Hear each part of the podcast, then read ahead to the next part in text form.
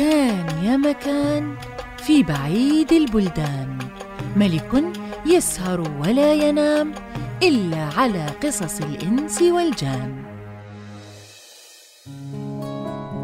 وقد بلغني أيها الملك السعيد أنه كان في قديم الزمان وسالف العصر والأوان بدمشق الشام. ملك من الخلفاء يسمى عبد الملك بن مروان.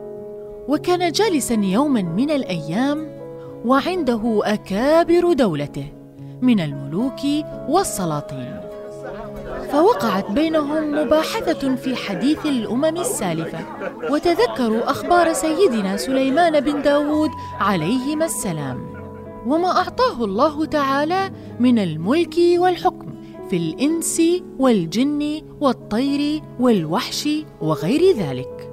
وقالوا قد سمعنا ممن كان قبلنا أن الله سبحانه وتعالى لم يعطي أحدا مثل ما أعطى سيدنا سليمان وأنه وصل إلى شيء لم يصل إليه أحد حتى أنه كان يسجن الجن والمرد والشياطين في قماقم من النحاس ويسبك عليهم بالرصاص ويختم عليهم بخاتمة. وأخبر طالب بن سهل أحد الأكابر أن رجلا نزل في مركب مع جماعة وانحدروا إلى بلاد الهند ولم يزالوا سائرين حتى طلع عليهم ريح. فوجههم ذلك الريح إلى أرض من أراضي الله تعالى وكان ذلك في سواد الليل. وأكمل طالب فلما أشرق النهار خرج إليهم من مغارات تلك الأرض أقواما لم يتعرفوا عليها. عوراه الأجساد. وليس منهم أحد يعرف العربية غير ملكهم. فلما رأوا المركب ومن فيها خرج إليهم في جماعة من أصحابه. فسلم عليهم ورحب بهم وسألهم عن دينهم. فأخبروه بحالهم. فقال لهم لا بأس عليكم. وحين سألهم عن دينهم كان كل منهم على دين من الأديان فسألهم الملك. وماذا عن دين الإسلام؟ وعن بعثة سيدنا محمد صلى الله عليه وسلم. فقال أهل المركب نحن لا نعرف ما تقول ولا نعرف شيئا من هذا الدين. فقال لهم الملك إنه لم يصل إلينا أحد من بني آدم قبلكم. ثم إنه ضيفهم بلحم الطيور والوحوش والسمك. ثم إن أهل المركب نزلوا يتفرجون في تلك المدينة فوجدوا صيادا أرخى شبكة في البحر ليصطاد سمكة ثم رفعها فإذا فيها قمقم من نحاس مرصص مختوم عليه بخاتم سليمان ابن داود عليهما السلام. فخرج به الصياد وكسره. فخرج منه دخان أزرق التحق بعنان السماء. فسمعوا صوتا منكرا يقول التوبة يا نبي الله. ثم صار من ذلك الدخان شخص هائل المنظر. مهول الخلقة تلحق رأسه الجبل ثم غاب عن أعينهم. فأما أهل المركب فكادت تنخلع قلوبهم وأما أهل المدينة فلم يفكروا في ذلك. فرجعوا إلى الملك وسألوه عن ذلك فقال اعلم أن هذا من الجن الذين كان سليمان بن داود إذا غضب عليهم سجنهم في هذه القماقم ورصص عليهم ورماهم في البحر. فإذا رمى الصياد الشبكة يطلع بها القماقم في غالب الأوقات فإذا كسرت يخرج منها جني ويخطر بباله أن سليمان حي فيتوب ويقول التوبة يا نبي الله. فتعجب أمير المؤمنين عبد الملك بن مروان من هذا الكلام وقال سبحان الله لقد أوتي سليمان ملكا عظيما. وكان ممن حضر في ذلك المجلس النابغة الذبياني فصدق طالبا فيما قاله والدليل على صدقه قول الحكيم الأول. وفي سليمان إذ قال الإله له قم بالخلافة واحكم حكم مجتهدي فمن أطاعك أكرمه بطاعته ومن أبى عنك فاحبسه إلى ابدي فاستحسن أمير المؤمنين هذا الكلام وقال والله إني لأشتهي أن أرى شيئا من هذه القماقم. فقال له طالب بن سهل إنك قادر على ذلك يا أمير المؤمنين وأنت مقيم في بلادك. فنصحه بالإرسال إلى اخيه عبد العزيز بن مروان نائبه في مصر أن يأتيه بها من بلاد الغرب وبأن يكتب إلى موسى بن نصير نائبه في بلاد الغرب أن يركب من بلاد الغرب إلى هذا الجبل الذي ذكره ويأتيه من هذه القماقم بما يطلب. فإن البر متصل من آخر ولايته بهذا الجبل. فاستصوب أمير المؤمنين رأيه وقال يا طالب صدقت فيما قلته وأريد أن تكون أنت رسولي إلى موسى بن نصير في هذا الأمر.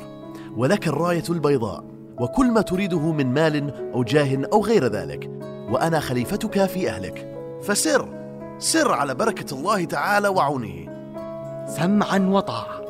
ثم أمر الملك أن يكتبوا له كتابا لأخيه عبد العزيز وكتابا آخر إلى موسى يأمره بالسير في طلب القماقم السليمانية بنفسه ويستخلف ولده على البلاد ويأخذ معه الأدلة وينفق المال وليستكثر من الرجال ولا يلحقه في ذلك فترة ولا يحتج بحجة.